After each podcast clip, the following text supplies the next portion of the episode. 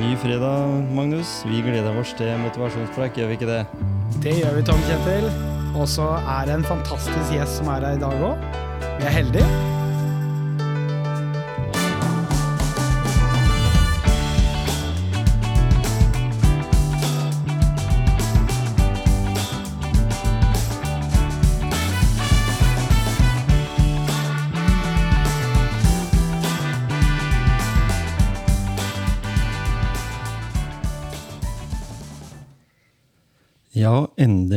Fått besøk av eh, Nina Vibeke Laukvik, og det var jammen på tide, fordi hun har verdens lengste pendlervei til jobb. Eller? Ja, det kan jo se sånn ut at jeg har 330 mil å kjøre opp og ned, men Ja. jeg har eh, vært heldig å få hjemmekontor. Ja, ikke sant? Og det har kanskje vært litt kjekt nå i disse tider som det har vært korona, da, for hvis du plutselig hadde vært på vei opp til kontoret der oppe, så og så fått beskjed halvveis at uh, du behøver ikke å komme på kontoret, for vi har uh, restriksjoner i forhold til korona, så, så måtte du bare snu og kjøre tilbake.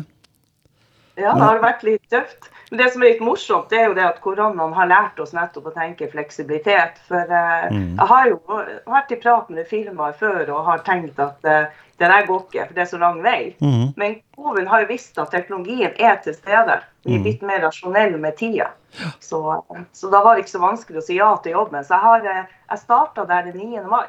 Ja, ikke sant? Eh, Jeg tenker i forhold til den eh, yrkeskarrieren du har, den er grei. Men eh, litt sånn, for vi hører jo det at du har jo en dialekt som ikke er så langt unna der du jobber nå, da. Eh, Hvordan var din oppvekst? Du er født i mai 1970, så du har jo liksom eh, fått oppleve de norske harde 70-åra.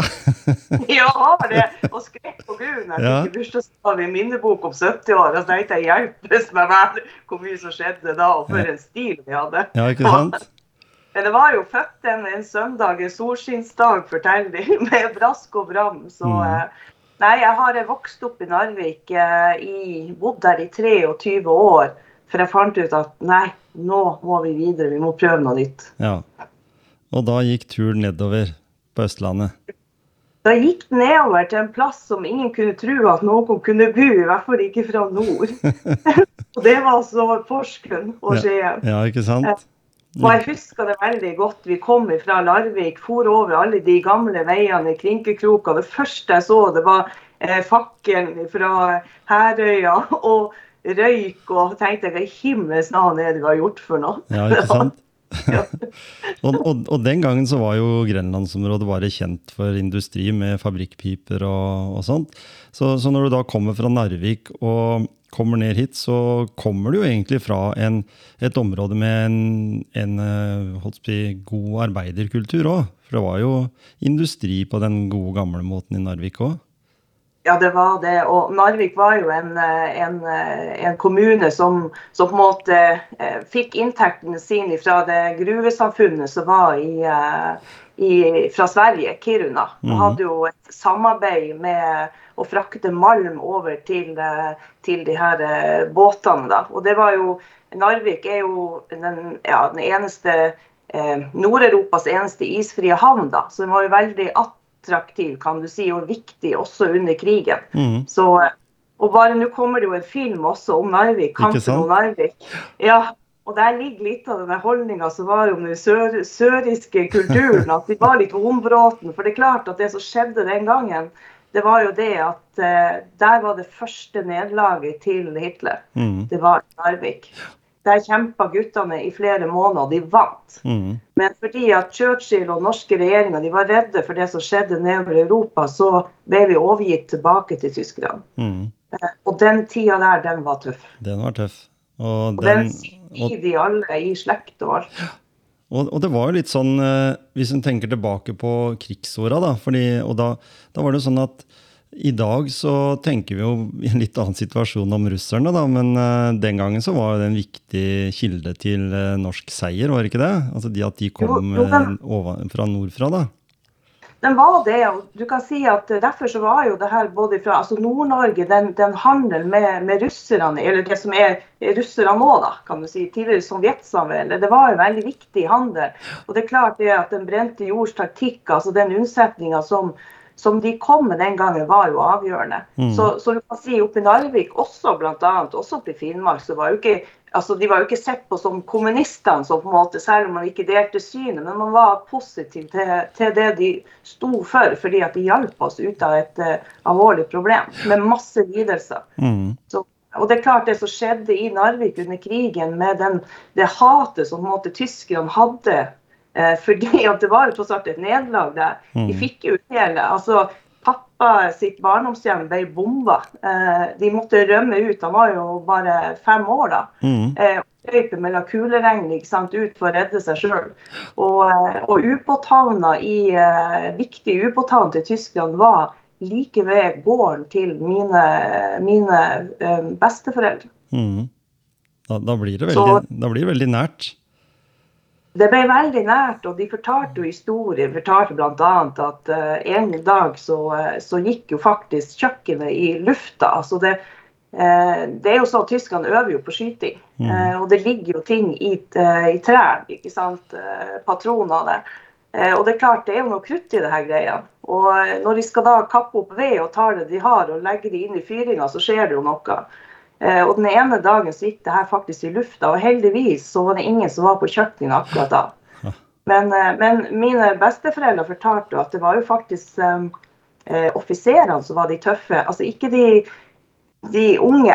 De, si, de var redde, men offiserene var de som var tøffe. Så, så det er klart at hvis de kunne skremme dem litt med å fortelle at det var mye smitte i hjemmet, og de var veldig redde for sykdom, og sånn, så torde de ikke å komme inn og true dem. Men det var jo sånn at en dag så fant min bestefar en stor pram. Som hadde da slitt seg fra en av båtene til tyskerne. Og han bestemte seg at han skulle gjøre det samme som de gjorde oppe i Finnmark. Han senka båten ned. Ja. Og de leita, og de var forbanna, og de kjefta, og de, de drakk jo mye. Det var jo mye bråk. De var jo redde. ikke sant? Plutselig så henta de dyr, og plutselig henta de mat. Men bestefar tok opp båten etter krigen. ja. Og den ble brukt til transport av hest og kyr. Ja, så bra. Ja. Nei, altså det, det der med å ta tak i den og, og få en liksom historie, dere, dere har vært nøye med det, eller er det sånn at dere har det virker som du har satt deg litt mer inn i det enn en det som er kanskje vanlig? At en bryr seg litt om den historien òg? Jeg gjør det, fordi at eh, for meg så, så betyr det veldig mye å kjenne min egen identitet. Og, og det er klart, mamma og pappa var kanskje ikke så veldig flinke å prate om det i begynnelsen, for det er nå en fortid som har vært tøff og vond, som man på en måte legger litt bak seg. Mm. Men så kommer historier etter hvert som de blir eldre, og da blir jeg like forundra over det de, de har opplevd. Mm. Eh, Så, og, og kjenner litt igjen den der litt styrken også i ting. Og, og det er klart, jeg har jo plutselig så oppdaget at jeg har en tippoldefar som har kommer fra Horten og har vært med å rekonstruere Gokstadskipene. Ja, Altså. De første Gokstadskipene som ble bygd og rekonstruerte, det var min tippoldefar som var bygningsingeniøren som sto for det prosjektet. Mm. Så eh, på Marinfortmuseet på gjenstand nummer én, så er det han som har håndlaga det Gokstadskipet, som er den modellen på seks meter. Helt tilbake til vikingtida. Altså for, i hvert fall Ja. eh, replikaer av, av vikingtida, ja. Mm. Men, Ja, og de testa jo skipene også Ja. over til Amerika. og ikke sant? Så bra. Det var, det var veldig spennende, og de fant ut hvordan vikingene klarte å komme seg over. Det var jo konstruksjon, mykheter i båten som glidde fint over bølgene, som gjorde at den faktisk ikke sank. Mm. Og så det med navigasjon òg, som en kanskje ikke helt har skjønt enda. Hva det var de hadde som gjorde at de fant fram, i motsetning Ja. til mange andre som ikke gjorde det. Tenker vi på, er tenker vi på de spanjoler og andre som eh, skulle til eh, Amerika og havna i India, liksom. Ja. Jo, jo, de forvilla seg jo inn i Ofoten også. Ja. Kommer jo inn i Skjomen, der slekta vi kommer ifra. Og de var litt skremt, ja ja. Det Mm. står i loggbøkene. Den var fra den italienske flåte. Ja. Eh, og de var litt skremt, da, for det, det de hadde skrevet, at de var forskrekka over den der klesstilen og det, det mm. de her sjomeværingene, og at det, både menn og kvinner bar våpen. ja. Det kunne de ikke forstå. Nei. Det var så voldsomt. Hadde fått helt andre tilbakemeldinger om hvordan det var. Ja, ja, så de sto de i møte vet du, med si, slegge og våpen og samme type klær. Men, men det, for, ja, for det var jo mye sånn Det en ikke tenker på med Vikingen, det var jo at de havna jo Eller de kommer jo ofte fram dit de skulle. De bomma ikke så veldig mye. Og da, det var det liksom som, som har imponert veldig. Fordi eh, når du tenker strømninger i vann, vind, alle sånne ting som påvirker, så, så er det klart at du er uten eh, GPS. Så det er klart, da, da er det jo på en måte fint å kommunisere Eller eh, på en måte få dette her fram, da. Men jeg har lyst til å vite Du eh, har jo hatt eh, Altså ko kommer da fra en uh, antatt arbeiderfamilie. altså I hvert fall så var det mye av det i Norge på den tida. når du kommer fra Narvik og du flytter ned til Grenland. det var jo flere nordlendinger som gjorde det. Altså flytta fra nord og ned til sør. arbeidsflyktninger. Ja, det var ikke bra å høre, for de vet jo at de var så bråkete og de drakk så mye, de der som kom. Men som jeg sier, de kom fra Finnmark. Ja, ikke sant? De kom enda lenger nordfra. Ja, ja men, men mine, mine, foreldre og sånt, altså jeg har jo vokst opp med faktisk yrkesaktive foreldre. Mm. Altså, eh, Min mamma begynte jo å jobbe da jeg var fem år. Ja. Eh, og pappa var jo da hovedfagslærer i elektro mm. eh, på yrkesfag og jobba senere i Forsvaret. Så jeg var jo den heldige personen, lille meg, da, som fikk lov til å være med de litt på reise. For det var jo det at det ble litt kollisjon noen gang med, med turnus og reise. Mm. Så jeg har vokst opp med å ligge på gamlehjemmet og hjulpet til å mate gamle folk og bli kjent med folk som ikke kan prate, og som er lam fra halsen og ned. Og jeg har vært med far på, på tur, på tokt, ja. i Forsvaret. og og det har vært veldig interessant og lærerikt. Mm. Eh, å se den voksne verden. Ja, og, og da syns jeg det er interessant å spørre om, om det har inspirert deg til å gjøre de valga du gjør i dag? At du da ble på en måte dratt med i det? Mm. Jo, det har faktisk det. Fordi at eh, eh det å observere og se hva som skjer på utsida i samfunnet, og få lov til å være med i et yrkesliv være med ikke sant, i laboratoriet der det skjer ting. ikke sant? Det er jo å få lov til å prøve seg litt på ting.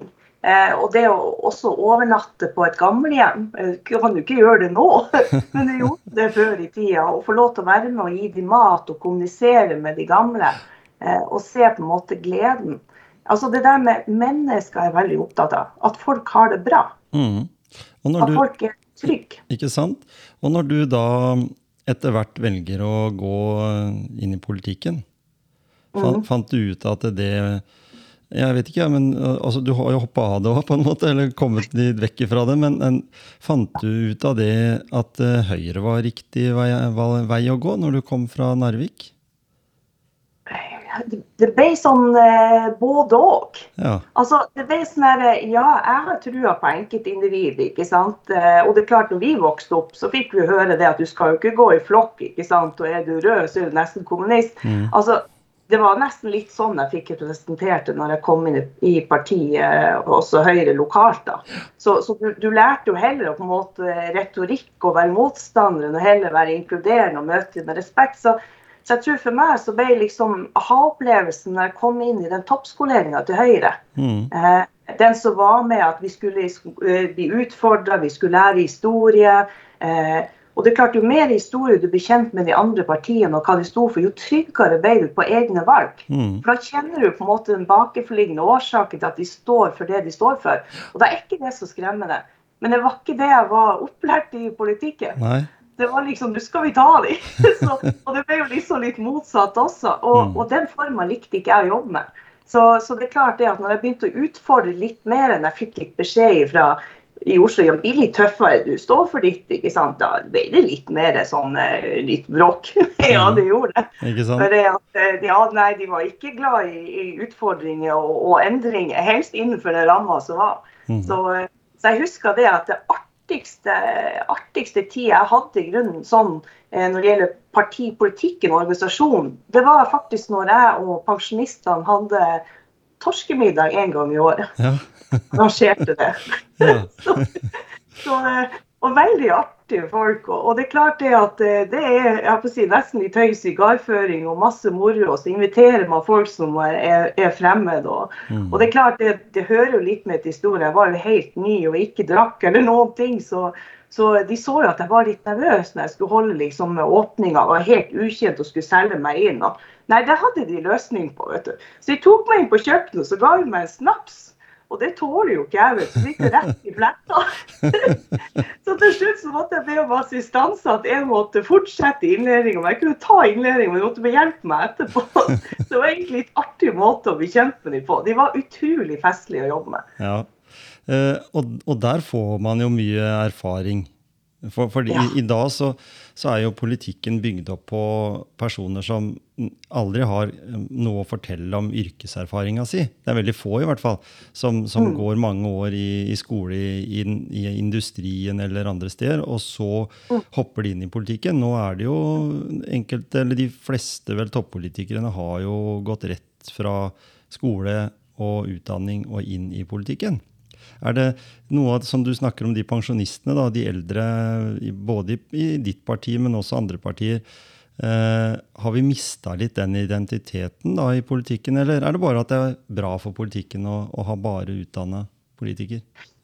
Nei, jeg, jeg syns det der, akkurat det der dimensjonen som er med de, de eldre i politikken, altså de har levd litt. Altså, det er jo én ting er liksom den erfaringa de gjør som privat fordi de har levd mange år, men det er også den erfaringa de har i yrkeslivet, på godt og vondt.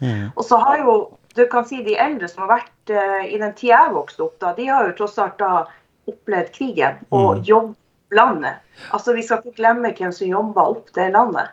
Eh, og, og det er klart å få respekt for at det var hardt arbeid, eh, og ikke glemme det i et sånt perspektiv, det, det tenker jeg er litt viktig. Så jeg har på en måte hatt større glede av å jobbe med, med de eldre.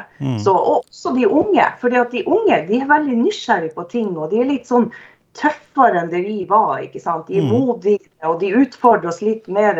Og det tenker jeg er veldig sunt. Mm. Men, men akkurat den generasjonen jeg var i, kanskje, og litt, litt sånn pluss-minus der, de følte seg nok sånn ferdig tygd på en måte. At her, det var den ramma og basta, og vi skal ikke ha noe nytt og endringer og uff og meg, liksom.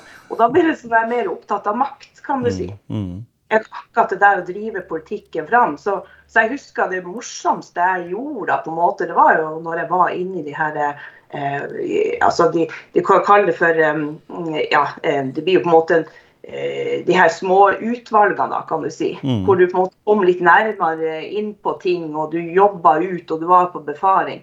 Det var en litt artigere måte å jobbe på, for der jobba vi sammen om å finne de gode løsningene. Mens når du f.eks. satt i fylket, da, eh, i fylkestinget, da var det jo retorikerne som vant, og jeg var absolutt ikke noen retoriker. Eh, Så jeg følte meg rett og slett ikke hjemme der. Eh, og, og det var liksom gøy å tenke at jeg, liksom, jeg fikk så god kontakt med næringslivet, så jeg husker en gang jeg satt og jobba og sleit, for at jeg hadde veldig mye å gjøre på jobben også. Og fikk låne noe, Det hendte jo at jeg fikk låne rom da på hotellet etter at de andre hadde reist og vi ferdig. Og da av og til så hadde de bakt kake til meg, de her eh, sånne kollegaer som jeg da traff i næringslivet. Kjeks og kake. sånn, Her har du kost deg med når du skal sitte her når vi drar. Ja. Og det synes jeg var veldig sånn god omtanke, forståelse av den situasjonen man satt i, da, Mm. kan du si. Og, og jeg husker det var jo gøy, for jeg ble jo også forespurt om å komme på møter med de på en ettermiddag eller kveld og fortelle litt om det her med jobben min. ikke sant? Kvalitetsarbeid, HMS, ikke sant. Fortelle litt om på en måte faget mitt og hvordan kan de bli enda bedre. Mm. Og det er jo det jeg alltid har vært så opptatt av. Hvordan kan du bli bedre? Mm. Men, men da er vi jo inne på noe som sier at eh, du kan jo da, du også, selv om du er yngre enn en de eldre, da, der eh, motivere de til å tenke ting rundt din, eh, ditt, ditt område der du jobber. da. For, for de som tenker at de har vokst opp eh, med heller dårlige HMS-forhold. da var det bare Ja. om, om å gjøre å komme på jobb hvis du hadde Og det er jo ikke sikkert du bestandig hadde alle fingre eller tær igjen når du kom hjem. Så, så, så, og, det, og det er bare HMS-biten, men jeg tenker at eh, i dag så, så syns jeg det er litt interessant å ta den tråden videre. Du snakker om det med politikken, og du snakker om de eldre med den erfaringa de har. Så snakker vi om det, de yngre med den nysgjerrigheten de har. Eh, hvordan kan vi føle, for jeg føler personlig at den, der er det kobla veldig dårlig imellom de to generasjonene der. Er det pga. oss, altså vår generasjon imellom, som på en måte setter på bremsene? Eller, for, for jeg føler jo at det, kanskje de unge burde fortelle de eldre hvor egentlig interessert de er, og nysgjerrig de er på at uh, verden skal bestå. Uh, Mm. mens, uh, mens vi liksom klager i midten over at ja, ja, vi må tenke miljø, så jeg kjøper meg en Tesla, liksom, eller, eller bygger en mi miljøvennlig hytte, for å kalle det det, da, fordi vi skal på en måte tenke miljø. Og så, og så har du den yngre garden som liker uh, gjenbruk og, og fokus på at ting ikke bare er luksus. Og de eldre som er oppvokst med ikke akkurat den største luksusen, da, som, som våre foreldre igjen kan du si eh, var under. da. Hva, tror, hva tror du om den kombinasjonen? Er det noen evner vi kunne hatt imellom her? Motivert de til å koble seg sammen? Ja, for jeg føler at vi er egentlig støyen i midten, som mm. ikke De vil ikke helt slippe de unge til, for vi mener at de må få mer erfaring. Eh, og vi sitter med kunnskapen ikke sant, og erfaringer. erfaringa. Eh, og så mener vi da at de eldre igjen på en måte, de har datt litt av lasset. Ikke sant? Eh, så, så vi ødelegger litt for den kombien. Eh, og jeg tenker at i yrkeslivet så har jeg opplevd veldig mye av den gode kombinasjonen Mm. eh, unge, eldre midt i, og så jobbe sammen. Eh, og så skape noe. Fordi du, du, du trenger den nysgjerrigheten, den utfordrende måten de unge tenker på. Mm. Eh, de unge trenger å forsøke litt og tørre å utfordre de eldre. Mm. Og samtidig må de eldre tenke litt nytt for å gå videre. Og Så må vi i midten prøve å møte og sjonglere litt imellom det her. Mm. Eh, at vi sitter litt med en fot i begge leir, faktisk. Eh, og det har jeg merka nå når jeg da har gått opp for meg at jeg er en sånn senior, da. at eh, ja, eh, nå blir jeg sett på som at jeg har veldig mye erfaring og kompetanse, ikke sant, for jeg har levd et liv nå. Men, men samtidig skal du ikke glemme at det er faktisk noen som er eldre enn meg, som sitter med, med annen kompetanse igjen og erfaring, og også de yngre. Så du må få med den dynamikken hele veien. Mm. Så, så jeg er veldig opptatt av, av den bredda, mm. rett og slett. Jeg, jeg har hørt det at eh, politikken Jeg har snakka med andre politikere og sånn i podkasten også, uh, og det er at det er mye koalisjoner, er det riktig sagt? Et vanskelig ord. I politikken. Altså du må være venn med de rette folka, og så blir det nettverk, og den bygger liksom uh, Har jeg rett? Er det sånn? Altså du kommer fra et annet Ja? Fryktelig mye sånn i politikken. Ja. Uh, og det er noe jeg ikke liker. Nei. Altså, der, der er, Det funka ikke. Uh, og det er kanskje noe av grunnen til at ok, jeg var jo i politikken helt siden 1998.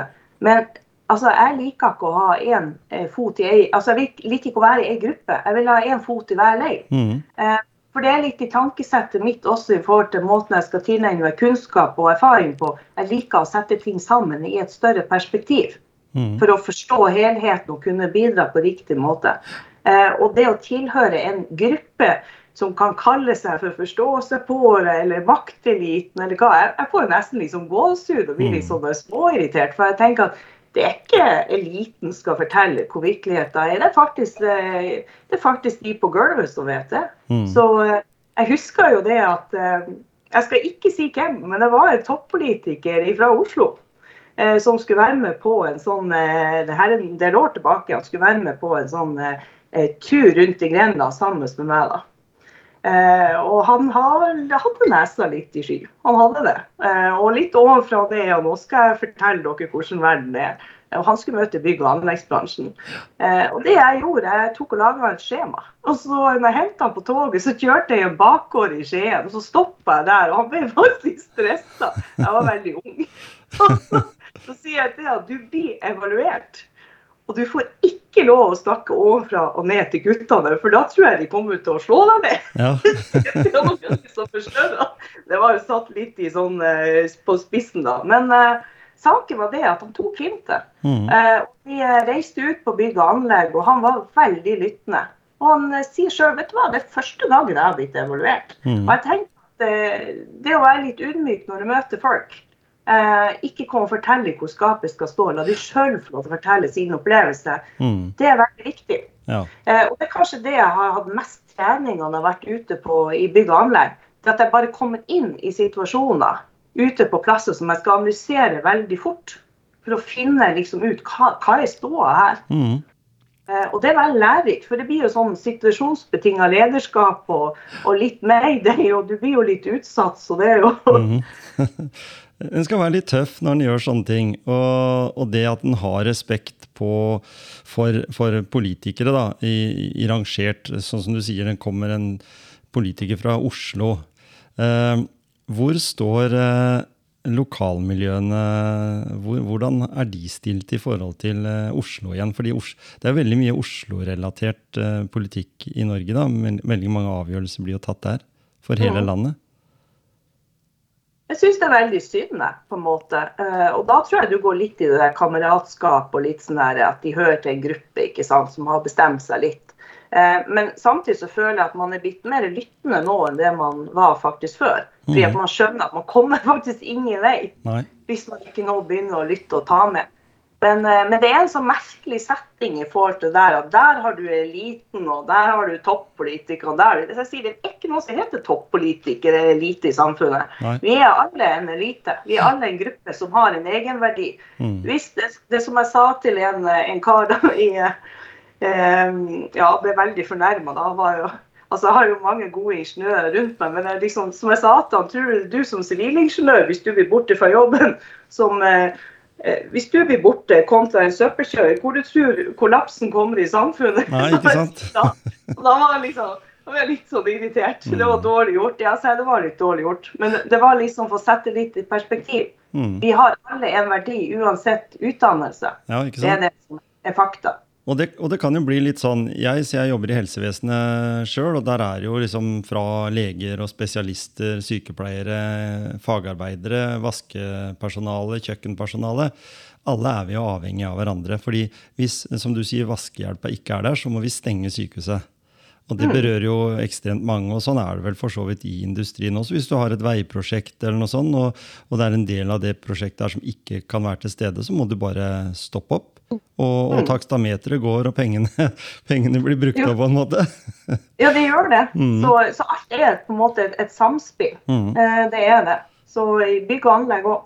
Ja, og da, og da har jeg lyst til å spørre om en ting, da. For du har jo kjennskap til den bransjen, og, og, nå er du jo i et selskap som driver med veldig svære prosjekt.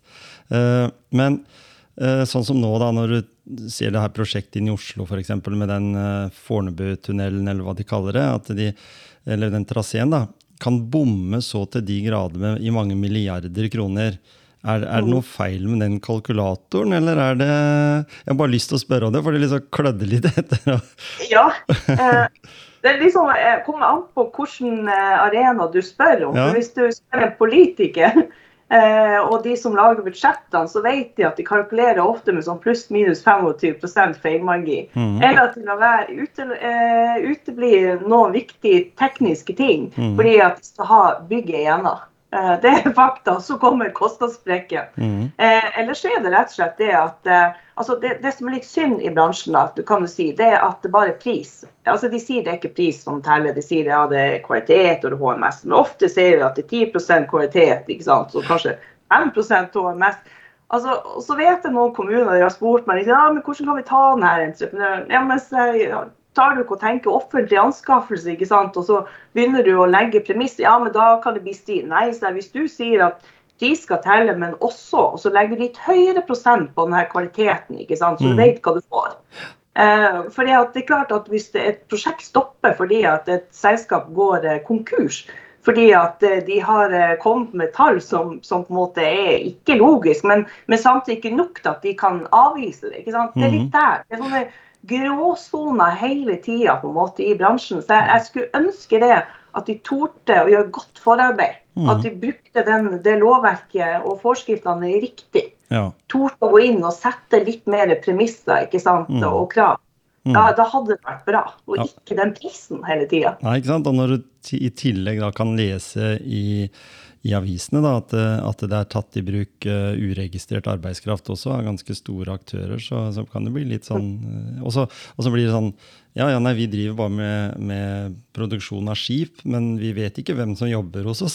Så det, så blir litt sånn, sånn ansvarsfraskrivelse når vi snakker om milliardbeløp. Det er veldig synd at det, at det blir sånn det er kjempeskummelt. Og, og, så er det også med, med, det her man må være obs på det her med bemanningsselskap. ikke sant? Jeg har jo mm. vært igjen og reist med de bemanningsselskapene. Eh, hvordan jeg har sett at de har blitt utnytta. Så, så det er klart, altså, det er liksom å finne ut hva er slags eh, avtaleverk eller eh, arbeidskontrakter de lager til. ikke sant? Sette premisser ikke sant, for Mm. fast ansettelse. Og nå har det jo heldigvis blitt enda mer innskjerpa enn det ble i 2019. da. Men, men det er ved å gi dem den tryggheten og forutsigbarheten. For det er klart, blir du bare leid inn, Mm. så får du ikke lånet i banken. Du må ha fast ansettelse. Eh, og går inn på den utryggheten og ventetida, da har du nesten ikke penger. ikke sant? Nei. Så jeg vet ikke hvor mange revisjoner har tatt av utenlandske selskap og, og i Norge, og det er bemanningsbyrå, og det er misbruk av ting, og det er liksom å skille mellom OK, er du et bemanningsbyrå, ikke sant, eller, eller er du faktisk underentreprise, altså hvor du stiller med både mann og utstyr ikke sant, og Mm. maskin. Da Mm. har du entreprisen med en gang. Så, så det er liksom å være oppspart. Så jeg har jo hatt veldig mye jobb i å lage standardiserte kontrakter og kontrollpunkter. og tatt veldig mye revisjoner av selskap. Mm. Eh, og det er klart, eh, Noen av de store bemanningsbyråene de har snakka fint og de har støtta idretten. og de har det, Men eh, de har, de har en del ting å rydde opp i. Ja. Ja, ikke Så sant? eh, og så er det viktig at de ansatte har forutsigbarhet. Mm. At man tenker sånn at OK, eh, de skal ha lik betaling for samme type jobb, så Mm. lenge det er festa. Og det er sånn der, eh, etter likebehandlinga i forhold til arbeidsmiljøloven. Ja. Så, så for meg har jo egentlig det å jobbe med lovverket, jeg har jobbet mye med det, det liksom, det har vært gøy. For det har Mm. vært måte et virkemiddel for å gjøre ting bedre for andre. Mm. Og, og det, det at Norge blir sett på kanskje litt som litt naive der ute òg, da, når det er eh, utenlandske selskap som har lyst til å etablere seg i Norge, det, det bør jo ikke være sånn. Nei. Eh, Det er mange løsninger de har på det, men jeg syns kanskje det er mer skremmende når norske selskap etablerer datterselskap i utlandet, Mm. og så drar de inn med en helt annen lønn.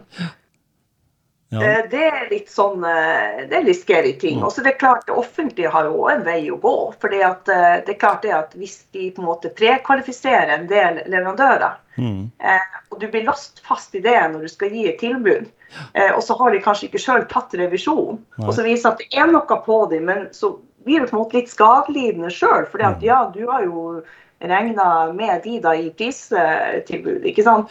Eh, å få de store norske statlige foretakene til å innse det, Mm. det har jeg jobbet med. Så det har Mm. vært litt gøy. Ja. Eh, så det har de, eh, noen har begynt å se det. ja.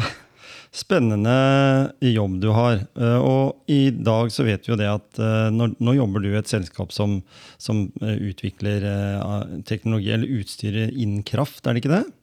Nei, altså, Kraftbransjen? jeg jobber i et, et Altså, det er jo et Vi jobber med utbygging av elektrisk infrastruktur. Nemlig.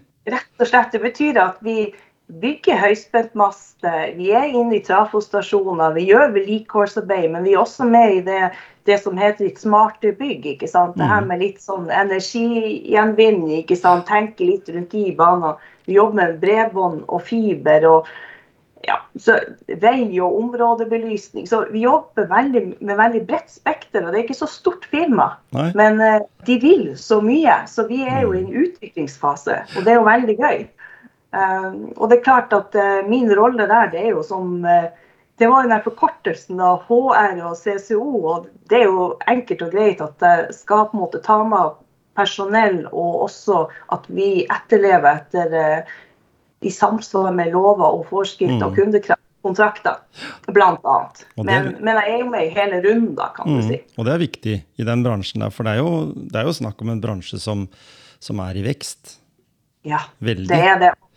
Ja, og jeg kjente jo, jeg hadde jo et lite avhopp i et annet film og så jobba litt mer med vei, og jeg kjente jo meg sjøl at jeg savna jo å gå tilbake til, til, eh, til liksom energibransjen. fordi det handler om helt andre krav. Vi jobber veldig mye med sikkerhetsloven Mm. eh, og kraftberedskap. ikke sant? Vi skal gi kunden noe som gjør de trygge på at de ikke blir hacka ikke sant, under digitaliseringa.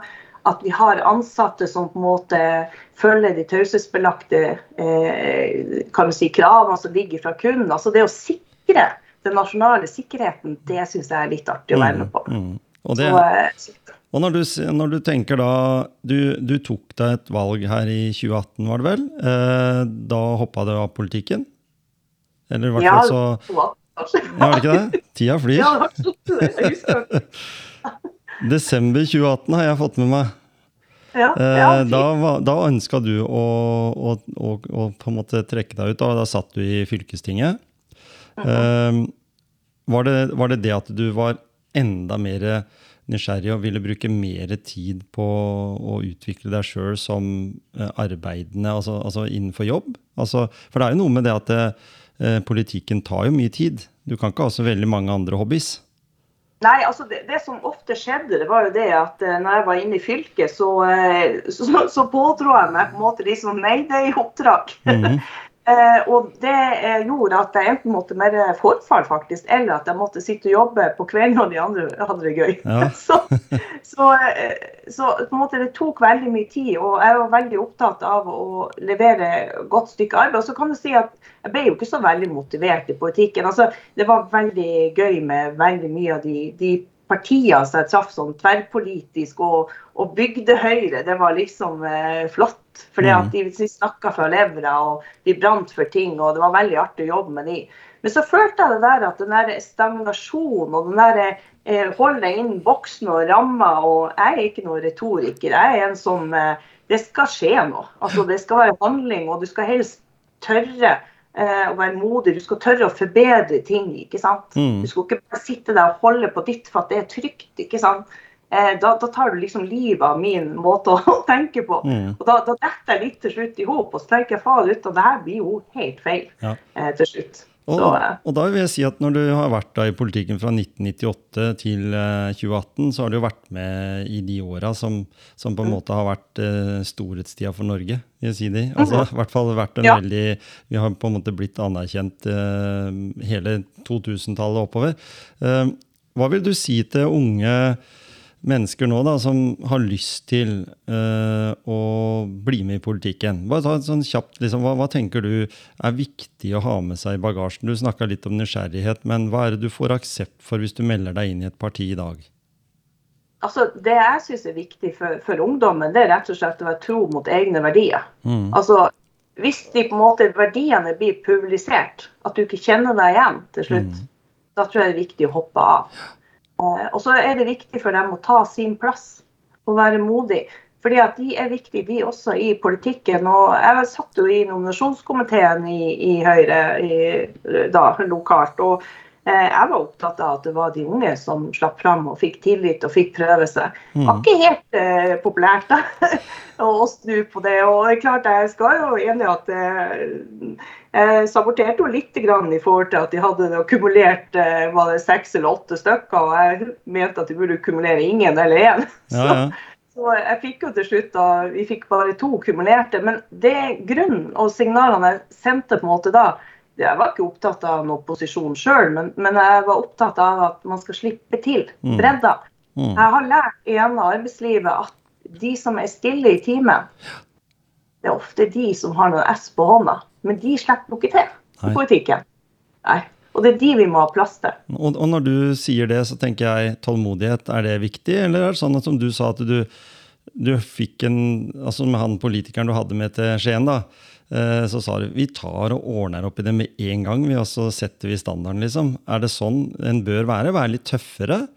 Eh, For det er jo noe sånn, litt sånn vanskelig å tåle den kritikken man får i dag. da, Gjennom at det er så mange kanaler, sosiale medier osv. Så, videre, så så kan en jo si at en pl plutselig får en uh, hatmelding, kalte de det her. Uh, det var jo meldinger som var helt vanlige å få tidligere. At du fikk beskjed om å trekke deg, og hva gjør du der, og sånn. Det er ikke hatmelding for meg, da, men hva tenker du?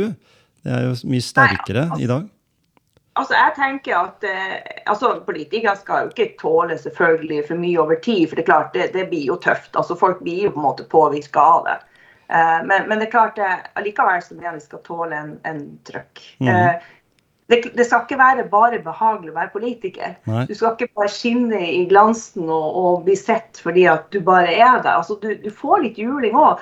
Og det skal ikke være verre enn det er i arbeidslivet. Nei, ikke sant? Altså, jeg tenker, jeg har jo vært med i, i Afrika på prosjekt der, og, og jeg vet jo eh, hvor tøffe forholdene er der nede. Mm. Eh, og hvor uforutsigbart ting er. ikke sant? Når myndighetene i et av de afrikanske landene plutselig snur ikke sant? og tar razzia inne på byggeplassen, og, og du sitter i telefonrøret og snakker med dem. ikke sant? Og, og det jeg alltid har prøvd å, å, lære de også, det vil jeg si på jobben òg, det er liksom alltid å ha to utganger. Mm. Altså, sånn når jeg kjører motorsykkel.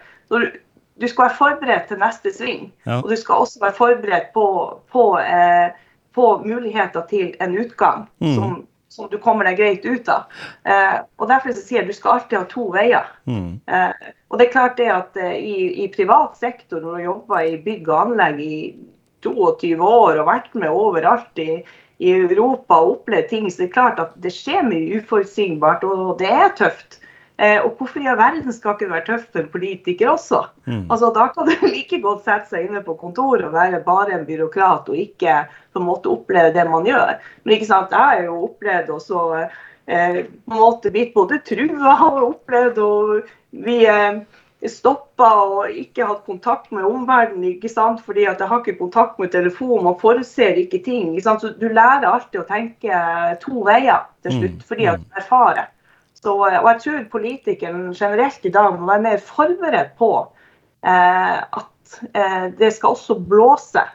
Eh, og så må de også kanskje tenke litt på sin egen retorikk. Mm. Eh, og så Du har jo nettrollene også. altså Jeg er jo litt sjokka over hva folk kan si. Mm. Eh, men da må de heller ignorere det, for å si det sånn.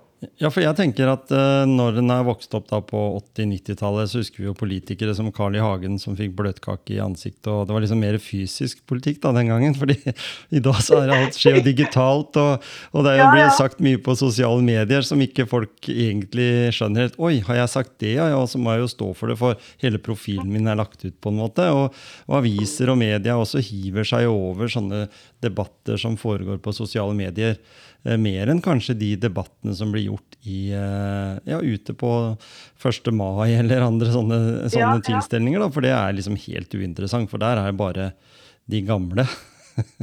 ja, det, ja, ikke sant. Det har blitt mer sånn her eh, jeg kaller for agurknytt. ikke mm. sant? Mm. Slenge ut noe, så hiver vi oss på bølgene. ikke sant? Ja. Og så blir der fortsatt, så du må finne en annen bølge. Altså Det blir en sånn litt dårlig dynamikk, føler jeg. Mm. Eh, så jeg er egentlig litt sjokka over hvor mye rart som blir sagt. da. Ja. Så, så, det er klart at eh, det er nok mange som ikke er forberedt på det i politikken. Eh, så jeg tenker, Men jeg tenker sånn som vi trener i beredskap, ikke sant, eh, i bygg og anlegg.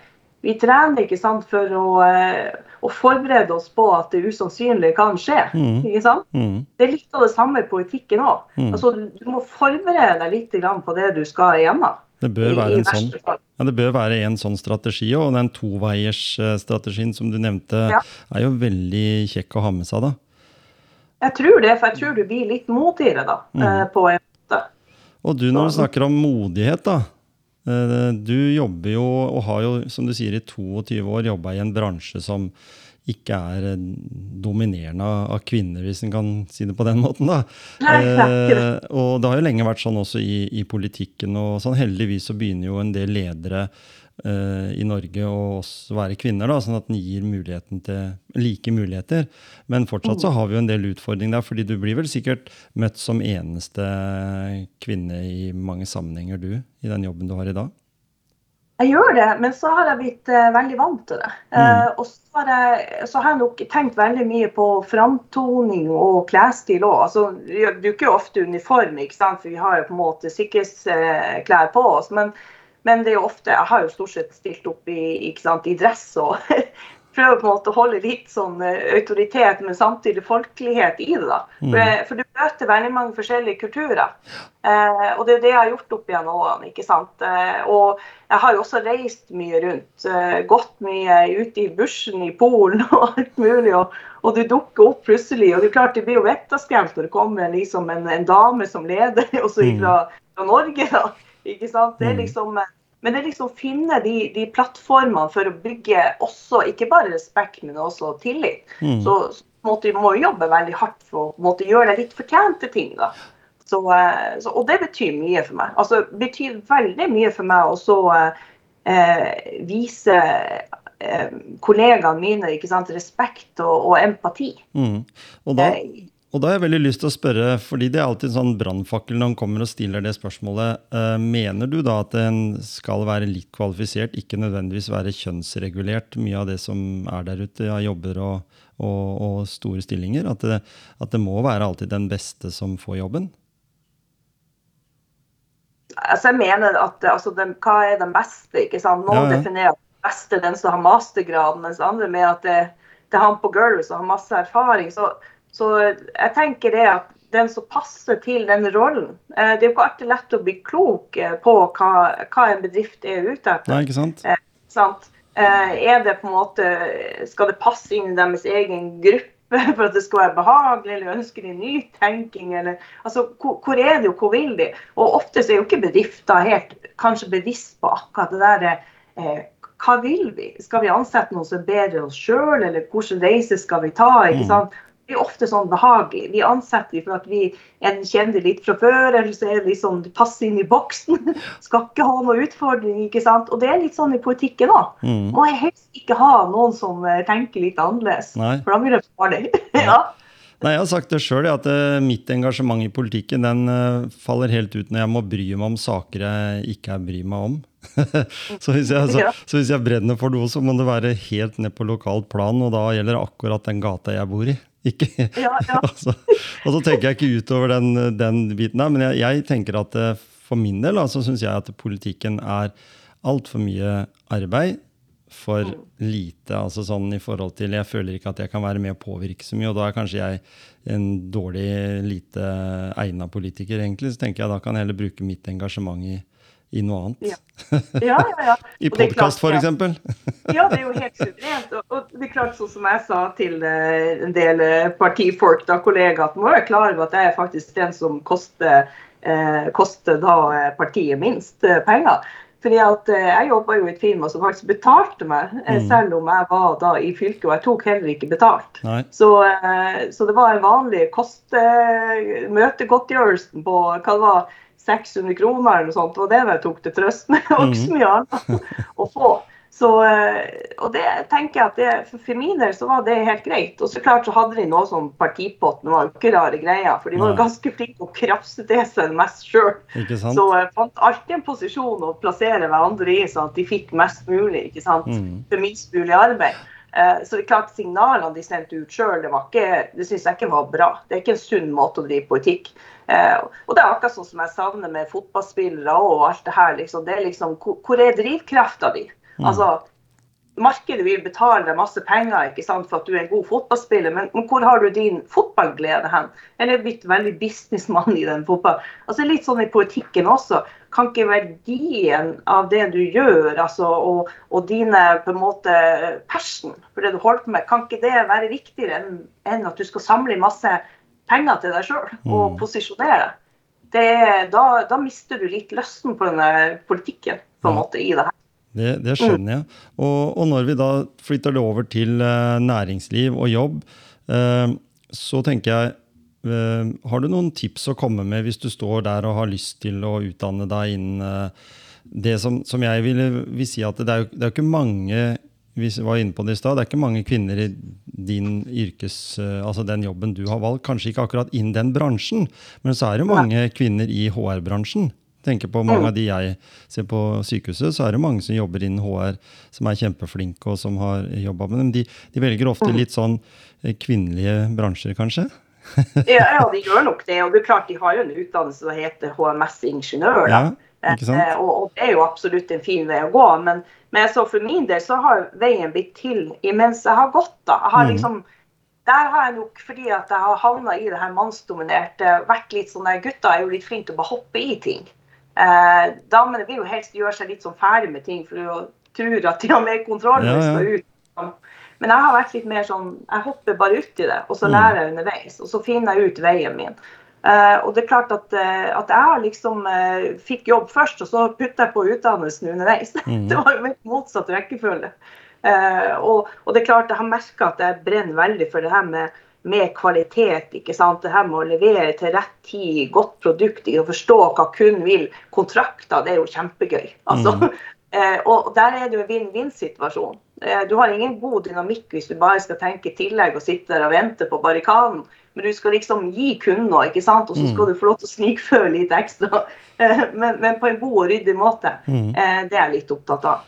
Men Så, så det er klart Og med den modellen du sier der, da, at det at du kan utdanne deg underveis Det er jo veldig mange som er opptatt av å gå utdanningsløpet fra eh, barne- og ungdomsskolen, videregående og så høyskole, universitet. Eh, og så detter veldig mange av veldig fort. Altså de detter og de jobber kanskje ikke så mange år med det de har utdanna seg som, enda de har gått så mange år. Nå leste jeg her en artikkel om at eh, medisinstudenter ønsker ikke å bli fastlege eller lege i det hele tatt når de er ferdig. Eh, de vil heller jobbe med andre ting. Hva, hva tenker du? Altså, er det noe sånn at det med å ta utdanning underveis kunne noen ganger vært eh, bedre? En god løsning? Du har jo valgt det. Ja, altså jeg tenker at, at det kunne òg være et alternativ. Mm. Eh, fordi at, eh, sånn som meg sjøl, da jeg visste at jeg hadde lyst til å jobbe med, med, med liksom med, med, lover og regler og mennesker. Men jeg visste ikke hvor veien var. Uh, helt klar. Og det å få lov til å prøve deg litt fram og finne ut hvor er din vei mm. ikke sant, i mm. det her, det, det, tror jeg er litt viktig. I hvert fall så var det for meg. Uh, og da kan du si, da slapper jeg på en måte å dette lasset med å ta en utdannelse som jeg på en måte ikke ville ha trivdes i likevel. Mm. Uh, og jeg er litt sånn der eh, kom, kombi, ikke sant, med litt med både jussen og organisasjonspsykologi. ikke sant, Så kommer du plutselig inn med sånn sped av samvirke og beredskap i det hele. ikke sant, så Du, du pakker jo inn veldig mange forskjellige sjangre. da. Mm. Eh, og for meg har det vært veldig viktig enn å ha en sånn spesialist, ikke sant, en, en eh, master, bachelor i akkurat den, det, fag, altså, det området. Mm. Jeg vil ha bred spredning på alt.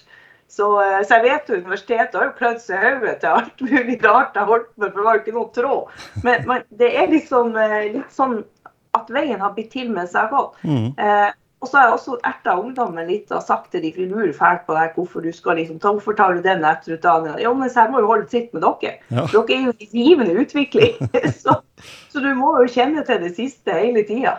Men, så, men, men, du må ha et høyt ja. energinivå for å greie da kombinasjonen. Du har sikkert da gått på skole kombinert med jobb og hatt eh, barn og alt hjemme. Liksom. Du har kjørt veldig mange sånne paralleller da, i, i, samme tid. Så, så må du jo ha god egenskap til å være strukturert og, og i det hele tatt altså, greie å ha mange baller i lufta da, uten at du får det i hodet. Ja, Eh, altså, Jeg er veldig, veldig strukturert, eh, men samtidig så er jeg ustrukturert på andre ting på en måte for å få lufta ut. ikke mm. sant? Mm. Når jeg er hjemme, ja, jeg har en plan, jeg liker å snekre og liker å jobbe, og alt det her, liksom, men, men jeg klarer å få lufta mer ut. Mm. Så, eh, så, det har liksom har ikke vært en sånn langtidsplanlegger kan du si, på papiret, men jeg har alltid hatt masse delmål. Mm. Så jeg har visst hvor veien går. Og så har jeg såpass erfaring at jeg vet at OK eh, det tar litt tid. Men så er det klart jeg er litt optimist òg noen ganger. Mm -hmm. så, så, tar det veldig lang tid. Ja, men, men, min største utfordring har jo vært at siden jeg begynte i energibransjen, så har jo jeg da pendla. Mm. Eh, og brukt liksom eh, Snittet mitt har jo vært fra tre til fem times eh, reisetid hver mm. dag. Ja. Så, så, det er klart, det er jo ikke sunt. da, så Når du da kommer hjem og så vet du at du skal snekre på huset eller fikse ting, så tar du natta til hjelp. og så er det samme runden igjen var ikke bra. Så, eh, så, nå har jeg jo vært veldig heldig da med ikke sant, Vi har erfart det her med, med covid og se at Teams funker. og eh, og jeg skal jo også jobbe som konsulent ute i, i firmaet også. Eh, mm. Det er også en tjeneste vi kommer til å, til å tilby fra selskapet vårt. Mm. Så har vi visst at det, det, er mulig å ta litt time out og så ha hjemmekontor. Ja. Så jeg har etablert meg et utrolig artig hjemmekontor. Ja. så, ja, og det funker. Og eh, det var på en måte den prisen jeg må heller ta, kan du si, for jeg var så lei av å pendle. Mm. Eh, så jeg er litt mer motivert å dra rundt og, og, lukte på jobber ikke sant, og dra litt rundt i forskjellige selskap eh, etter hvert, fordi at jeg da får litt tid og mm. puster litt underveis. Du kan ikke holde på sånn i, i ja, åtte år, det har holdt med den pendlinga. Ikke sunt. Nei, ikke sant. Og nå får du, får, føler du at du blir mer effektiv, da. Får mer arbeidstid ja. som du kan på en måte gjøre det du er mest opptatt av. For når du pendla, så pendla du med kollektivt eller med, med bil? Å nei, det var bil. Ikke sant? Så, eh, så da ja. må du ha fokus på vei og alt med seg. Så det blir sånn. Jeg har lyst eh, Nina, til å spørre om en ting. Nå, nå, nærmer vi oss eh, slutten her. Jeg leste her at du hadde en liten finger med i spillet for å drive Drammen bordtennisklubb. Ja. Hva er det som gjør Har du vært en sånn ivrig bordtennisspiller sjøl i hele ditt liv, eller? Det, det, var bare på ungdomsskolen. Og så, og så, er det jo sånn at jeg er forferdelig konkurransemenneske. Det er ikke sunt. Eh, og sånn har det vært i alle år. Ungene mine har kommentert det. For når vi var på sykkeltur, så var jeg den første opp bakke. Mm. Og det var bare for å få inn pusten. Ja. Men de skulle fortsatt tro at jeg var så god at jeg tok luven av de som ikke tok så lang tur. Det hadde de mm. aldri skjønt. for de bedre. Eh, jeg er liksom konkurransemenneske, så jeg fant ut at eh, ja, jeg må trene. Eh, og så ringte jeg litt rundt til de her bordtennisklubbene, og så sier jo da eh, plutselig de her i Drammen ja, men du kan begynne å trene hos oss, men vil du begynne å trene, da må du kanskje trene sammen med ungene, sier jeg. OK, for vi har ikke liksom noen gamlinger. som liksom første, da. Men så hadde du en veteranklubb òg, men jeg mm. starta faktisk med å trene med, med, med barn og unge. Ja. Så eh, det var veldig moro. Mm. Eh, og trene med de, for de er jo fabelaktig lettlært. Eh, ja. verre enn oss. Ikke sant? så, ja, jeg har ikke så mye god synkronisering på, på bein og, og armer. Så eh, teknikk. Men det er veldig gøy. Så ja. Eh, men, men, det er klart, så da eh, tok det ene og det andre. Så da spurte vil du på en måte være barneidrettsansvarlig, vil du sitte i styret? Så tenkte jeg ja, jeg kan sitte i styret, for det, den klubben har jo gitt meg mye, da. Mm. Men, eh, men, det er klart, det er jo litt sånn tidspress òg, da. Så nå, eh, nå, er vi i ferd med å skal bygge hytte og skal ja. selge hus. Så det er klart at det er jo litt sånn tidspress, da. Mm. Så nå skal jeg prøve å konsentrere meg litt mer om styret, da. Så tar jeg igjen etter hvert, da. Ja. Men det er veldig artig å trene. Det er det. Og Bordtennis er jo en sånn liten sport i Norge òg, så du har kanskje litt av det som, som flere andre som vi har snakka med, er innen idretter som, som er litt små. Da. Det er liksom veldig sosialt, og de har fokus på andre ting enn en bare de som veldig, kommer veldig lett til det. F.eks. fotball og, og, vinteridretter og sånn, som er veldig sånn mm. uh, Da tenker jeg at det kanskje er uh, lurt for deg og ditt uh, engasjement, at du liker å være et sted der folk brenner for noe? Ja, det gjør jeg. Og så er det liksom måten du blir imøtekommet på når du kommer dit. Mm. Det er liksom uh, Det er som jeg sier, da kan du ikke la være å være der. Ikke sant? Det er tvers igjennom hyggelige, artige folk. Og, og, det er klart det var veldig artig den tida jeg trena med de ungene òg, for de er jo veldig direkte. og De går jo alle veier og er jo Viosen og i forskjellige aldersgrupper. og Det er veldig artig. Mm. Så, eh, å bli kjent med de og så bygge tillit. Og det er jo litt det samme som man gjør på jobben òg. Du bygger på en måte tillit. Mm. ikke sant? Bli mm. kjent med de, finne historien. Eh, sånn at du på en måte kan gi dem noen knagger når du ser at de ikke har det like greit. Mm. Men om vi ser, eh, hvis vi nå da sier at vi har snakka eh, eller en god del om politikk og jobb og sånne ting, så jeg har lyst til å spørre sånn på slutten Hvis eh, Erna ringer deg om tre år og trenger en minister som skal løse de arbeidsoppgavene som du kan best, hva ville du sagt da? Da ville jeg sagt at det skal jeg tenke på. Ja. For, for jeg, altså, jeg, jeg syns det er kjempespennende, den bransjen du jobber i, som sagt, og, og, hvordan den blir nå. fordi vi vet jo at det, det blei jo som julekvelden på kjerringa det at vi fikk høye strømregninger her i, i fjor ja. høst. Og, ja. og, det var nesten virka som ingen var klar over det. Og, og, det var jo Arbeiderpartiet som fikk på en måte den, da, heldigvis, kan jeg si. For hvis den hadde kommet i tillegg til to år med koronajobbing for, for Erna og, gjengen, så, så, tror jeg kanskje noen hadde gått litt på, et, uh, på en smell, for å si det sånn. Jo, det er akkurat det. Og det er klart, jeg har vært med på utbygginga. Og, og, det er klart, eh, rørene ble lagt ikke sant, i, i Nordsjøen, og så plutselig Oi, ja, vi har jo bare gamle linjer. Nei, men da må vi få fortgang i det her. ikke mm. sant? Mm. Og så er jo sånn at eh, Vi har jo store statlige oppdragsgivere, og de er jo hei og hopp. ikke sant? For nå har jo eh, ikke sant, departementet bestemt ikke sant, med politiske vedtak at nå skal man satse på det og det. Mm. Men det er klart å være med på den reisa i infrastrukturen og, og, se det at eh, det å bygge ikke sant, på kort tid henger ikke helt sammen ikke sant, med resten av apparatet som er rundt når du begynte å bygge, så hadde du for lite sant, entreprenører som var klare til sånne store prosjekter. Så måtte du begynne å dele opp prosjekter. Mm. Så begynte det å komme inn utenlandske aktører, men ikke sant, de skulle jo også da ha, ha D-nummer og godkjenning ikke sant, og tillatelse og alt det her. Men det var jo ikke skatte direktoratet forberedt på. Så sant, ting henger sammen ja. Eh, hele veien. Og jeg tror nok akkurat det der med, med helhetstenkinga i forhold til hvordan ting henger sammen, mm. når de tar et vedtak, der tror jeg faktisk jeg kan bidra ganske mye. Ja, ikke sant? Så, for jeg, de ser ikke helt sammenhengen. Nei, de ikke det. Og så ville du ikke vært redd for å stå i det, vil jeg tro? Nei. Fordi du eh, vet, hva du, du vet hva du svarer på, da. For det virker jo som at din, din viktige oppgave i de bedriftene du jobber i, er å liksom kunne gi eh, riktig svar. Og komme med gode kalkulasjoner og i det hele tatt. Ja, altså alt, ja. er en, alt er en prosess. Mm. Ja, og så er jeg veldig opptatt av, ikke sant, av det her med nasjonal sikkerhet. ikke Mm. Sikkerhetsloven, ikke sant? Eh, Kraftberedskapsforskriften. Eh, ikke sant? Hacking. altså All den problematikken vi står innafor. Eh, og så prøve å gi kunden på en måte den tryggheten at vi tar det her på største alvor. Mm. Samtidig som vi skal være med på det, det grønne skiftet, som de sier, at ting skal være bærekraftig. Så, eh, så det er klart jeg hadde veldig mye artig samarbeid også i den forrige jobben, fordi at jeg da sant, har jobba mye med beredskap og, og, og risikotenking. og og jobba mye med andre energiselskap. og Det har vært veldig artig. For det er klart at eh, det er utvikla ladestasjoner. Du ser Skagerrak også er ute etter med De har også laga en sånn prototype, de her eh, ladestasjonene. Og, og vi var jo veldig tidlig ute med samarbeid, og, og der har jeg vært med å bidra til at de i det større energiselskapet da har fått en bedre risikoforståelse og beredskap. Så, Mm. eh, så jeg har trena beredskap med med både brannetat og alt, og vært skikkelig gøy. Men jeg er opptatt av sikkerhet. Jeg er Mm. det. Så, Mm. eh, både for folk og også nasjonal sikkerhet. Så å sitte med innenfor denne energibransjen nå, eh, det er for meg utrolig artig og givende å, å være med på igjen. Mm. Så det, det lengter jeg etter. Og da, og da må jeg nødt til å si sånn helt på tampen i motivasjonspreik, så vi, vi bare takk takke for en kjempefin prat. Men hva skal Nina og, og forloveden gjøre i sommer, da?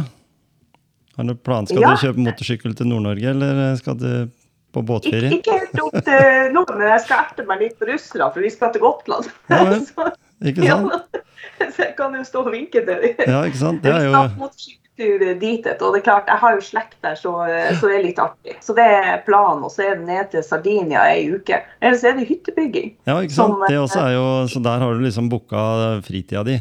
Hytte, Ja. det er jo Hvor, hvor har du hytte hen, da? Vi skal bygge hytte i uh, Hjartdal. Å ja. Mhm. Eh, men så har jeg også hytte oppe i nord, i Ja, vannkanten. Ikke sant? eh, så det et eh, fritidsproblem. Ja. Men med disse, med disse tider som det er eh, høye kostnader på drivstoff, da, så er det kanskje fortsatt lett å ta fly, selv om ikke det går så mange Eller kanskje billettprisene, det har jo vært litt sånn jojo der òg. Men det blir gøy. Du får, en, du får en fin tur til Gotland, det er jeg helt sikker på. Eh, vi får håpe at den situasjonen som er der nede, som gjør det litt sånn brennhett akkurat nå, ikke har så lang vei at det holder på så lenge. Vi skal ikke Mm. prate mye om, prate mye om den, den konflikten som er der nede, for det, det er trist som det er. Eh, tusen takk for at du ble med i Motivasjonspreik. Jeg føler at vi kunne hatt prata en time til. ja, det var veldig hyggelig, det var det. Så uh, veldig hyggelig intervju. Så uh, samtale kan vi kalle det. Ja, ikke sant? Tusen, tusen takk for at du ble med.